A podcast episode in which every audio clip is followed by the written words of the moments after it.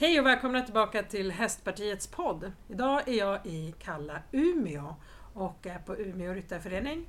Jag har med mig en eh, kollega, Anna-Karin Nilsson, och vi träffar Camilla Granberg som är ridskolechef. Verksamhetschef. Verksamhetschef, förlåt. Tack för att jag får komma. Ja men roligt att du ville komma. Ja, men du, jag undrar, ska vi börja Anna-Karin, vem är du? Varför är vi här? Ja, men det är dels för att du och jag har gått lite utbildning tillsammans inom partiet. Eh, sen så har jag då ett långt förflutet i hästlivet eh, och har arbetat som verksamhetschef här mellan 2005 till 2011. Mm. Mm. Och är du hopptjej eller dressyrtjej? Från början så red jag både hoppning och dressyr och fälttävlan och ponnygalopp. Jäklars! Ja, Oj, men nu, numera så är jag ju då en gammal tant. så nu ägnar jag mig mest åt dressyr och så kan jag titta på hoppning. Aha. Jag brukar hoppa regelbundet en gång var tionde år känns det ja. Jag började ju med sån här VE och så skulle jag vara med på Payen VE. Jag hade inte fattat när jag kom dit, då skulle man hoppa över ett hinder. Ja. Men herregud, jag hoppa över ett hinder? Det var ju som jag var mest nervös över. Men det gick ju bra, det var ju typ tre bommar högt. ja, men Camilla Granberg, verksamhetschef här på Umeå Ryttarförening. Vem är du och vart är vi? Liksom? Och vad gör ja, ni här? Vad vi gör här? Jag är ju då hästtjej sedan jag var tio år gammal. Mm. Ganska, jag började på ridskolan i Nordmaling då. Mm. Och sen var jag ridskoleelev och fick tävla ridskolehästar fram till jag var 17 när jag köpte min första egna häst. Sen dess har jag alltid haft häst. Och jag skulle nog säga att jag är en hoppryttare, men jag är lite allätare. Jag har faktiskt tävlat ganska mycket dressyr också, upp till medelsvår klass. Mm. Hon är bra! Eh, jag har i dagsläget tre egna hästar. En gammal tant som jag har tävlat upp till 1,40 hoppning på och så är hennes ettåriga son. Och sen köpte jag en häst från eh, Holland förra vintern. Så det är en treåring som jag har ridit in nu i, under året som har gått. Mm. Spännande! Mm. Och så då har du tre egna hästar plus att du då är verksamhetschef här. hur många hästar har ni här? Vi har 44 ridskolehästar mm. och då sålde vi två stycken under sista två veckorna så vi kommer att köpa in fler. Så mellan 45 och 50 ridskolehästar är målet som vi ska ha. Mm. Vi har även plats för 67 medlemsuppstallade i dagsläget är det cirka 60 hästar som är medlemsuppstallade här på anläggningen då, som själva tar hand om in och utsläpp. Men de bor ju här på anläggningen så det är stor anläggning. Vi har fyra utebanor, vi har två ridhus och fantastiska ridmöjligheter i skogarna här omkring också. Mm -hmm. mm. Men eh, för de som inte har varit här nu då, det är en liten bit ifrån själva Umeå. Hur tar man sig hit? Är det bil som gäller eller? Det är bil som gäller. Det finns eh, viss eh, lokaltrafik, att man kan åka buss hit och kliva av mitt emot Forslunda gymnasiet som ligger 300 meter bort. Okej, okay, så det går ändå att ta sig kollektivt ja, hit? det gör ja. det. Vi har personal som åker kollektivt till och med, så mm. det, det, funkar. Mm. Men förut från början så då gick det väl bussar hit mm. hela tiden. Ja, men väldigt kort period, ja. för det var för få helt enkelt som åkte. Ja, precis. Så det, är, det är en fantastisk anläggning här i Umeå. Alltså i utkanten av Umeå kan man säga att det är. Mm. Ja. Det låg ju mitt inne i Umeå tidigare ja. men då ställde kommunen upp för de ville ha marken inne i stan och då byggde de den här anläggningen här ute då för att förbättra för hästarna. Det fanns ju inte hagmöjligheter och sånt i den här utsträckningen på gamla K4 som mm. stället inne i stan hette. Utan det vart ju verkligen bra och trots att anläggningen är 23 år gammal nu då så är den ju faktiskt väl genomtänkt och byggd av hästkunnigt mm. folk som mm. har planerat och sett till att det har blivit bra. Mm. Hur många är det som jobbar här då? Vi är 16 anställda med mig inräknad. Och det är både stallpersonal och vaktmästeri och ridlärare. Och ridlärarna hjälper till i stallet och så också, mm. så vi har lite samarbete hela tiden. Sen har vi ganska många timanställda också som jobbar på helgerna. Så det är ju full service hela tiden. Det är inte så att man ska behöva jobba ideellt som privathästägare och hjälpa till med utsläpp på helgerna utan vi har personal alla dagar. Mm. Jag tror att för, eh, på den tiden jag arbetade här då så tror jag vi gjorde ungefär 100 inkomstuppgifter mm. varje år. Mm. För det, ju, ska ju ut till tävlingsryttarna också mm. som har fått mm. premier och så. så att, hur är det, man jobbar ju rätt mycket med barn. Tar man in sådana här belastningsregister från polisen när man ja, anställer? Ja, det gör vi. Är det liksom lag på det eller gör man det bara för att ni tycker att det är bra? Det är nog krav från förbundet mm. skulle jag säga. Mm. Nu, nu pratar jag kanske osanning, jag vet inte riktigt men eh, vi tar in det. Ja. Ungefär vartannat år ja. begär vi in nya. Men det är inte så jättestor rullians på vår personal utan många stannar ju. Mm. Men vi tar ändå in det vartannat år. Mm. Så om man jobbar här i jättemånga år så tar man fortfarande in? Mm. Men det är ju inte så länge vi har hållit på med det här utan det är väl de sista fyra mm. åren kanske. Mm. Det tycker jag är jättebra. Ja absolut, det känns tryggt. Mm. Bra. Men det här med att köpa och sälja häst då, det är inte alltid så enkelt? Nej, det, det, det är inte det. Eh, vi köper mycket hästar av privatpersoner, stora hästar framför allt. Ja. Ponnyer det är ganska mycket att vi får handla av hästhandlare utomlands. Men så här, irländska ponnyer det är väl merparten av vårt ponnybestånd. Jag tror vi har 21 ponnyer i dagsläget och många är vita vallacker från Irland. Ja, fina. ja, de är jättefina. Ja. Är de tåligare än uh, storhästar?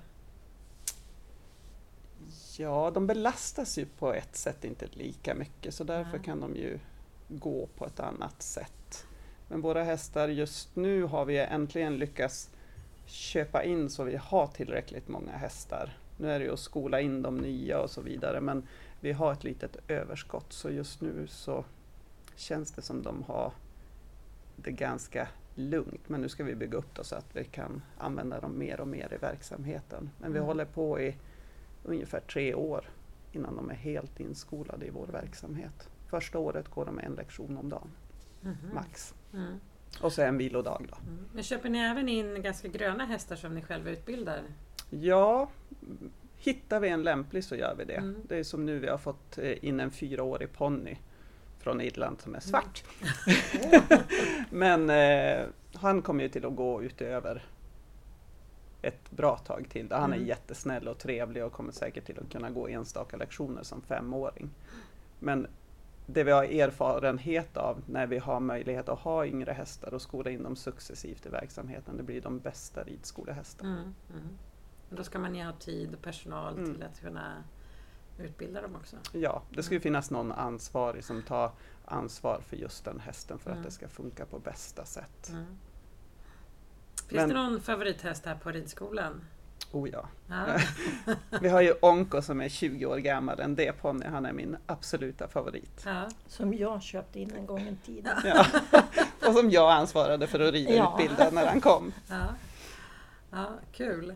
Men det här, ni har någon form av veterinärklinik här på eh, området också? Ja, vi har Botnia hästklinik AB som hyr ett eh, rum där de har som förråd och sen använder de eh, vår tävlingsstall, gången och så vidare för att göra hältutredningar och tandkoll och så vidare. Vi har ju bra uppstallningsplatser i tävlingsstallet som de mm. använder då till vardags. Så det är ett jättebra samarbete som vi är jätteglada över. Det sparar ju mycket tid att slippa åka iväg till veterinär och mm. de ställer mm. även upp på obekväm arbetstid och tar hand om våra ridskolehästar. Mm.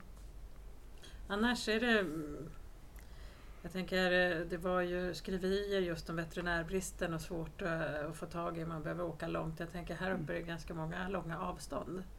Ja, eh, men, vi har ju som, vi slipper det problemet. Ja, i och med, ja, det är helt suveränt och de är jätteduktiga dessutom. Ja. Ja, det är fantastiskt. Det är väl egentligen problemet är ju om, om du måste in och det ska övernattas. Buköppningar till exempel. Mm. Det ju, går ju inte här utan det är att åka ner till Uppsala eller mm. Strömsholm. Mm. Hur lång tid tar det att köra dit med en häst? Ja, Åtta timmar. Mm. Jag har varit ner. Åtta timmar, ja. Jag fick stanna i Sundsvall och så fick hästen med smärtstillande där då, så att det skulle vara lugnt i transporten. Hade du kontakt med veterinär på vägen då? Eller? Ja, den veterinärdistrikterna var det då som hjälpte mig här och de kontaktade distrikterna i Sundsvall och så bokade vi in en tid och ett stopp så att de kom och gav smärtstillande och kramplösande. Och så kunde jag fortsätta till Ultuna. Då. Ja. Och där är man ju inte van med det som hästägare här i Norrland så då är du med hela tiden och håller i och hjälper till och assisterar. Mm. När man kom på Ultuna då tog de hästen av en och gick mm. iväg. Ja. Men det var jättebra service ja. där också. Ja, Men är det här ett, alltså, borde man ha en klinik här uppe då där man kan göra buköppning? Eller varför har man inte det? Är det inte tillräckligt många hästar? Eller vad? Det finns väl ingen klinik där det går att göra men jag vet att jag har hört ryktas om att de distriktsveterinärerna planerar att göra någon förbättring på kliniken som är på travet. Mm. Men det var, eftersom vi har vår veterinär här på anläggningen så är jag inte där så ofta. Så jag, jag vet inte hur det går med de planerna just nej, nu. Nej. Men uh, ni har en ganska stor tävlingsverksamhet här på, på Ryttarföreningen. Mm. Hur många tävlingar har ni per år? Ja, vad sa vi, 12 tävlingar och det är de flesta tävlingarna två dagars ja. cirkus. Två, ja. Mm. Och det är både hoppning och dressyr och det är ponny och häst. Mm. Så det är ganska stort. Som förberedelse och allting, det är typ en månad på så som ni håller på med tävlingar. Mm. Ja, men vi har en väldigt aktiv tävlingssektion som gör ett bra jobb och vi är indelade i arbetsgrupper så alla som är licensierade för Umeå Ryttarförening eller tränar på tävlingssektionens tid som det vi kallar det, de ska hjälpa till i de här arbetsgrupperna. Mm. Så vi, vi sköter ju den här mm. stora verksamheten ideellt. Men jag skulle som... tro att vi är en av föreningarna i landet som arrangerar flest tävlingar. Mm. Ja, vi har då varit det. Nu har det ju ja. kommit så mycket privata aktörer och sånt där. Men ja. just ridskolor som arrangerar mm. tävlingar. Eller mm. ja, där det är ridskoleverksamhet på föreningen. Mm. För vi har ju... kan inte prata. Hur motiverar ni de som är med i tävlingssektioner och så vidare? Får man några extra träningstider eller liksom? Eh, mm. Det erbjuds ju tid i ridhusen för våra ekipage då, på TS-tid som jag sa och ja. det är ju både hoppning och dressyr. Förut hade vi körning också men det har, just nu har vi inget ingen avbokad tid för körning. Nej. Så, men får vi in fler ekipage så är vi absolut öppna för det också. Mm, mm. Så det är väl det och sen är det ju gemenskapen, vi-känslan, arrangera tävlingar tillsammans och just ordna tävlingar lokalt så att det finns nära. Mm. Det är ju mycket värt också. Men vi känner väl ett litet tapp på tävlingssidan för det kräver ju mycket ideellt arbete. Det är ju ganska mm. mycket jobb att göra så här många tävlingar per mm. år. Och som tävlingsryttare är du då ska du hjälpa till på mm. hemmatävlingar. Mm. Och en del väljer då att gå till mindre föreningar där det är mindre jobb eller bättre träningsmöjligheter, inte lika mycket ridskoleverksamhet och så. Mm. Märker ni någon, eh, något tapp att eh, människor inte har råd att åka för att eh, bensinpriserna är så, och dieselpriserna är så höga? Det pratas ju mycket om det i mm. alla fall och vi ser ju ett tapp på tävlingsryttare mm. i alla discipliner och det känns som det är överlag i hela Sverige. Mm. mm. Jag tänker just här uppe, många lite längre avstånd än om man mm. tävlar i Skåne. Men jag tror framförallt så är det ju på grund av Corona som jag tror det här tappet har kommit. Att folk mm. har sålt hästar, inte köpt nya, inte kommit igång igen. Det är svårare att motivera sig att åka och träna. Åker du inte och tränar så åker du inte och tävla. Mm. Det är den känslan jag får. Och som om jag går till mig själv, jag har en treåring nu, då är det ju då har det inte varit några tävlingar alls Nej. för mig under året som har varit. Du laddar för framtiden? Ja, ja men det gör jag helt klart. Ja. Det är jättebra. Men eh, nu när vi gick runt här så um, fick vi ju se några elever som höll på uh, med sin ridning. Mm. Ni har någon skola som hyr in sig här, eller hur är det? Ja, vi har ju ett nära samarbete med Forslunda gymnasiet och de är hos oss och rider fyra dagar i veckan. Både årskurs 1, 2 och 3. I ettan så har de ju både ridning, körning här. Sen i tvåan så kan de välja trav som inriktning också förutom ridning och då är de ute på Umeåker. Men de som har ridning håller ju till här. Mm. Så det är ju ett väldigt bra samarbete. de är här varje dag och de har egna ridlärare? Och, mm, det är deras ja. egen personal och det är nytt för sen i höst att deras egen personal även har ridlektionerna. Så mm. de hyr våra hästar och ridhusanläggning. Fantastisk anläggning att få komma in och hyra. Mm, jo, det, är. det är jättefint. Men hur tänker jag, liksom, vem sköter det är ju ändå ni som har ansvaret för hästarna. Vem är det som mm. bestämmer vilka hästar de ska ha? Liksom, ja. eh, instruktörerna som jobbar här, ja. de prickar av på hästlistan vilka hästar de får använda och så mm. utifrån elevers färdigheter då, vilka hästar som är lämpliga. Så vi har ju ett nära samarbete med Forslunda gymnasiets lärare. Men mm. framförallt så är det ju att personalen härifrån Umeå Ryttarförening är duktig och kan styra upp och planera och hjälpa till. Men vi har ju löpande träffar där vi diskuterar på vad som kan förbättras och vad man måste mm. tänka på. Men det flyter jättebra. Mm, vad härligt. Du, sen har ni en väldigt aktiv ungdomssektion också. Mm, Urfus kallas de. Urfus. Ja. ja. och eh, det är tio stycken som sitter med i Urfus och det är faktiskt bara tjejer. Mm. Men de är verkligen drivna och duktiga. Och det är både ridskoleelever och eh, elever med egen häst och som har hästarna uppstallade här som är engagerade och de arrangerar ju till exempel vår julshow som mm. är välbesökt som är varje år.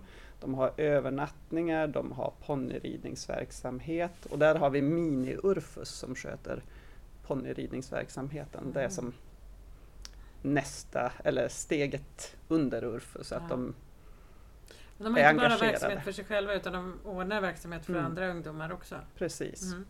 De har jättemycket verksamhet i ridskolans regi. Mm. mm. Så det, ja, de är jätteduktiga. Väldigt kompetenta och driftiga tjejer. Ja, och då kommer de till dig med sina idéer att nu vill vi göra så här. Det är faktiskt vår fritidsledare Anna Nensén som de mest har kontakt med. Jag är ju involverad när det behövs men det är Anna de bollar med så ni har en anställd fritidsledare? Mm. Ja. Hon jobbar deltid med det och hon är även ridlärare. Okay. Så många bollar i luften. Ja. Lite allt i allo. Och som ja. nu inför julshowen så har hon ju extra stöd till Urfus. Mm. Så det, mm. det funkar bra. Det är fantastiskt att kunna ha fritidsledare tänker jag, för det är ju många ungar som hänger i stallet. Det såg jag mm. också, ni hade någon sån här skötarprogram. Ja, precis. Eh, det är någonting vi har utbildning i årligen. Man får gå en skötarkurs och jag tror det är tre helger eller något sånt där. Det brukar vara uppdelat på. Och sen avslutar man med ett prov och sen får man bli skötare på ja. en av våra ridskolehästar. Och man att, önska då vilken häst man vill ha? Ja, det får man göra. Men man måste vara här minst två dagar i veckan och ta hand om sin häst eller ponny.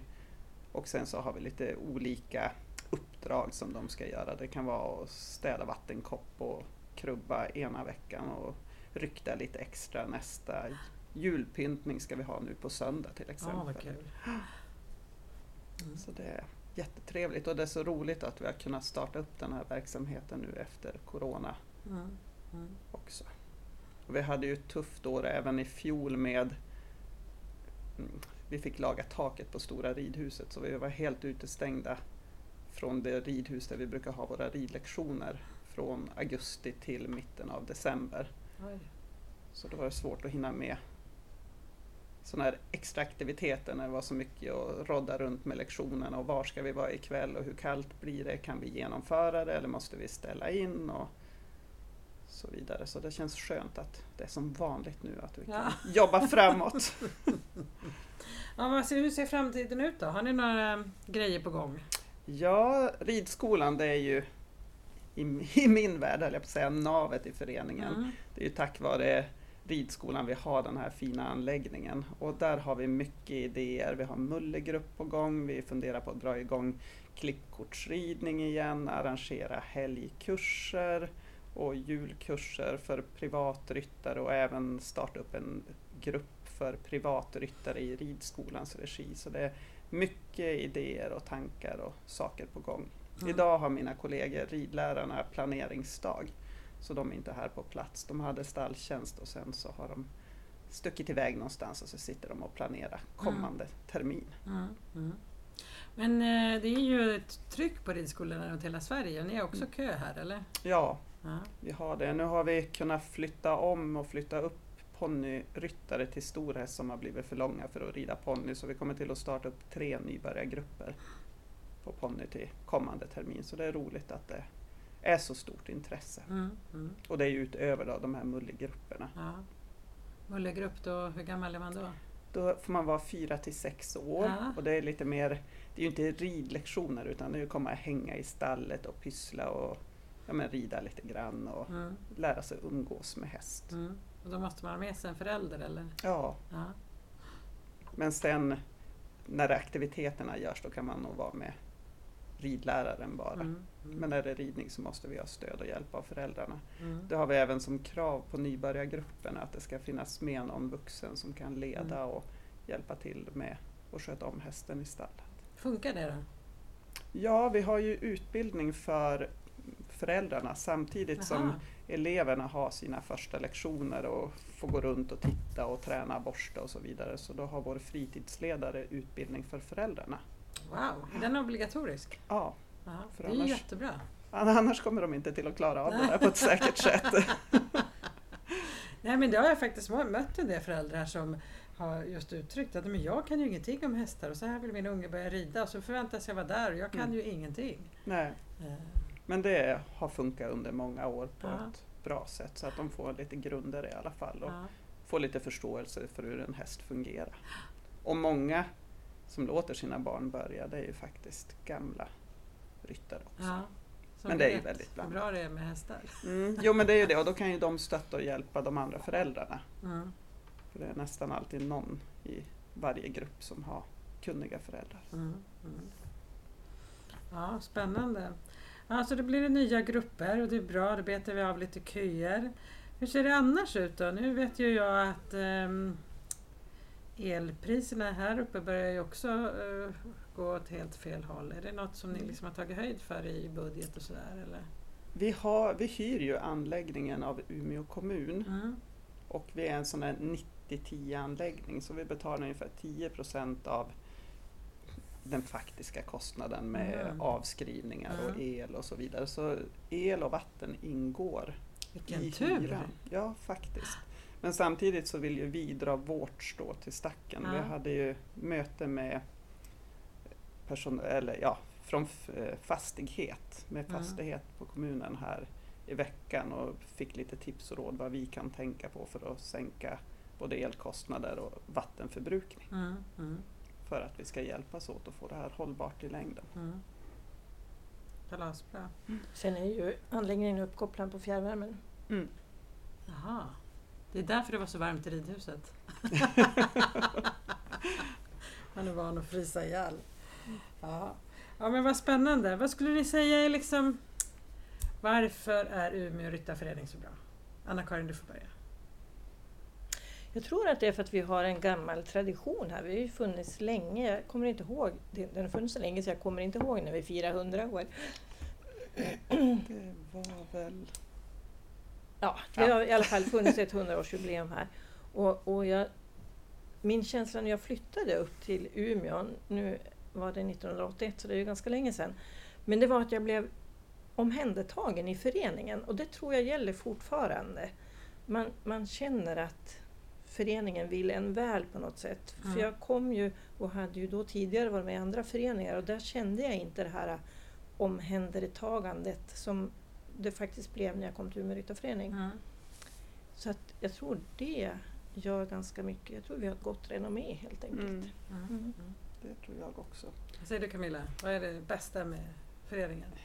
Ja, ja det är lite som Anna-Karin uttrycker det här att gemenskap, det är ju roligt att vara med i en sån här förening där vi gillar samma sak. Hästarna Mm. är ju vår grundkärlek, höll jag på att säga, för alla som är här.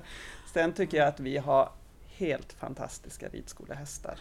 För de som rider på ridskola och får komma och rida på sådana här kvalitetshästar varje vecka. Det Mm. måste ju vara guld värt. Både att de är snälla, välutbildade och funkar verkligen för Mm. sitt jobb. Mm. Duktig personal, både i stallet och som ridlärare, som hela tiden vill driva det framåt och förbättra.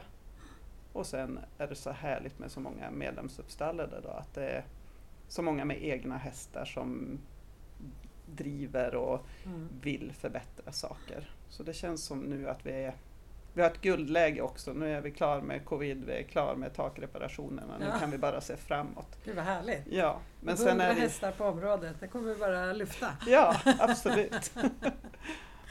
Ja. Sen är det ju alltid svårt med en sån här förening att få en ekonomi i balans, för det är dyrt med hästar. Det Ja. Även om vi har bra avtal med kommunen så är det en stora kostnader med anläggningen och många saker får vi stå själv. Till exempel snöröjningen. Det är ju Mm. en gissningslek vad man ska lägga i budget varje Ja. år.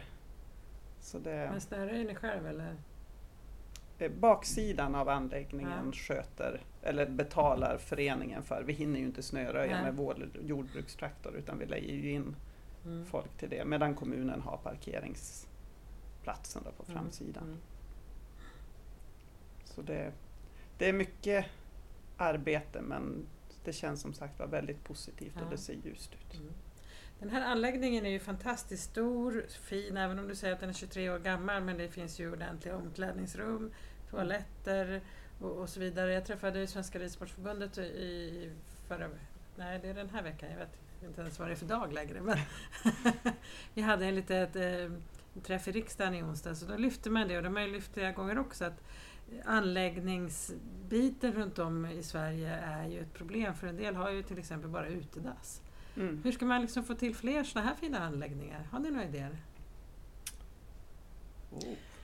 Alltså jag tror att man måste prata och framföra oerhört mycket till ledande politiker i kommunerna. Mm. Mm. Vikten av eh, ridsport. Jag tror de behöver komma ut och se hur det kan fungera. För trots allt så satsas det ganska mycket på vad ska jag säga, typiskt killsport idag. Mm. med ishallar och eh, det kan ju liksom inte vara rimligt att man i, en, i hästsporten ska behöva gå på ett utedass eller att du ska tvingas byta om som 12-årig flicka tillsammans med 50-åriga män på samma ställe. Jag tror man måste få upp ögonen för det hela Mm. och att det satsas för det är ju ändå en oerhört bra grund att hålla på med hästar med hela den utbildning man får på ett eller annat sätt med djur. Mm.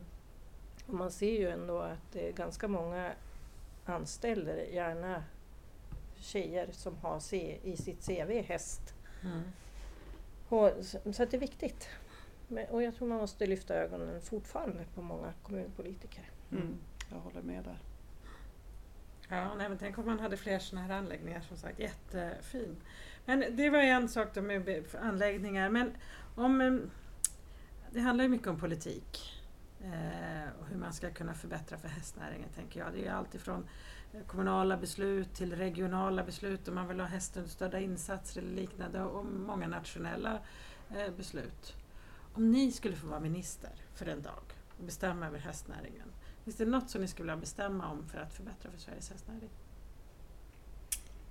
Mer ytor, på säga, till hästarna. Större hagar, gå Ja. tillsammans. Eh, mer lösdriftsverksamhet. En dröm för mig här på anläggningen det är att man skulle kunna få bygga ut och ha delvis lösdrift. Ja, men hästar som vilar eller är busiga eller så, att de kan få vara ute mer. Just Mm. nu har vi inte de möjligheterna. Men det är, det är vad jag skulle vilja med den här anläggningen. Mm. Men sen är det ju absolut att alla hästar ska må bra och bli väl omhändertagna och att det fortsätter jobbas för deras välfärd. Mm. Mm.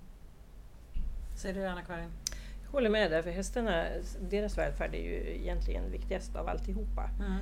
Eh, Men sen också att se eh, det viktiga med att hålla en fungerande hästnäring.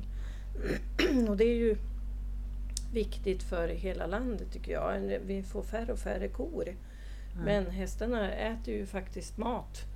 Vilket gör att vi håller vårt landskap öppet. Och Så att jämställa lite mer hästnäring med jordbruk överhuvudtaget. Mm. Mm. För ibland så finns det ju konstiga regler som att inte hästarna får beta i nära vatten till Mm, exempel. mm. Medan kossorna får gå och beta nära Mm. vatten. Men hallå! så att man jämställer hästnäringen mera åt jordbrukshållet. Mm. Det är faktiskt så att vi har fler hästar än mjölkkor i Sverige. Ja. Mm. Eh, inte mer än nötkreatur, men mer, eh, En mjölkko, ja. Ja. Mm. Och jag tror att hästnäringen har fler anställda än någon annan animalieproducerande eh, ja, verksamhet. Mm. Fick jag lära mig av LRF häromdagen. Mm. Där. Ja, så det är en viktig näring. Mm. Jaha, hur ser er en dag ut nu? Det är i fredag, eh, ni tar helg eller är det ridskolan som tar upp all tid? Jag har ju sån lyx nu att jag ska få besök av en kompis. Så Ja. vi ska rida tillsammans på lunchen på några av våra ri- fina ridskolehästar. Åh, oh, vad trevligt. Ja, och sen så har jag lite mer jobb kvar att göra idag men helgen är ledig. Mm. Men nästa helg så är det ju julshow här på Umeå Ryttarförening och då ska vi tävla mot Urfus i gymkana, ridlärarna och jag. Och jag hoppas att vi vinner. Ja. Gymkana, vad är det du ska göra då för någonting? Du hoppar upp och ner på hästen? Ja, vi ska rida slalom och vi ska hoppa några hinder och vi ska göra det så fort som möjligt. Och sen är det säkert något annat också som jag inte har fått veta riktigt än. Leta på sockerbitar i mjöl och Nej, det, det har jag sagt att där går gränsen. Jag har glasögon så det funkar inte. Anna-Karin, hur ser din... Ja, men det är ganska lugnt, eh, lugn hästhelg då, för jag har ju lånat ut mina hästar till ridskoleverksamhet minsann. Ja. Så att jag behöver inte ta så stort ansvar just nu då, men eh, snart så blir det väl igen. Ja. Mm. Men du har lånat ut dem frivilligt till ridskolan. Många är ju rädd för att liksom, eh, både sälja eller låna ut hästar till ridskoleverksamhet. Det, Det är inte jag. Eh, nej, därför att om jag inte kunde rida mina hästar själv och jag ville inte ställa av dem i sex månader så funderar man på vad ska jag göra då? Ska Mm. jag sälja hästarna? Ska jag ha dem kvar? Men jag vill ju ha dem kvar för jag vill ju rida igen. Eh, och på en ridskola, där vet jag att de får mat, de blir motionerade, de har dessutom kunnig personal runt sig hela tiden som ser om det händer någonting. Blir de halta så kommer de att se om de blir halta. Så att jag är fullständigt trygg med att lämna ut mina hästar till ridskola och då har jag ändå en häst som är eh, ganska välutbildad som tävlar med två bedressyr. Så att, eh, men jag litar på ridskolan. Mm. Och då får ju eleverna dessutom rida på en häst som är ganska duktig. mm. Mm. Wow, ja, det är fantastiskt. Det blir ju en jättebra avslutning på den här podden tänker jag. Hur, du, hur mycket du litar på ridskoleverksamheten. Mm. Ja. Härligt att känna det va Camilla? Ja, det är jätteroligt och som sagt vi är så glada att vi får låna Donnerman här. Ja. ja, vi besökte honom i hagen, är jättefin. Men han var en av en miljon bruna hästar här kände jag. är det kriteriet för att vara ridskolehästar? Ja, det verkar så för de stora hästarna. De ponnysarna de är vita, Ja. eller skimrar. Ja, men stort tack för att jag fick komma. Så vi önskar er en trevlig helg och eh, när det här sänds så kommer det vara en tisdag så då har helgen redan varit. Men du har den här eh, julshowen att vara med på. Så vi kommer, det kan man följa på er Facebook eller Instagram eller något? De eller? brukar ju lägga ut info på Instagram och små Ja. filmsnuttar och så vidare. Så. Mm. Och vad heter ni på Instagram då? Ja, Urfus heter ju Urfus och så ett S på avslutning. Men Umeå Ryttarförening heter Umea RF. Ja. Så alla som lyssnar, in och kolla nästa helg för då eh, den 11 december var det va? Mm. Så är det eh, show här på ridskolan. Mm. Och jag hoppas ju att alla håller tummarna för att ridarlaget vinner. Ja. Såklart!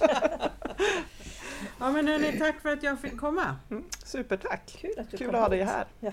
Och till er som lyssnar så hoppas vi väl på att det kommer ett nytt spännande avsnitt nästa vecka. Ha det gott, hej!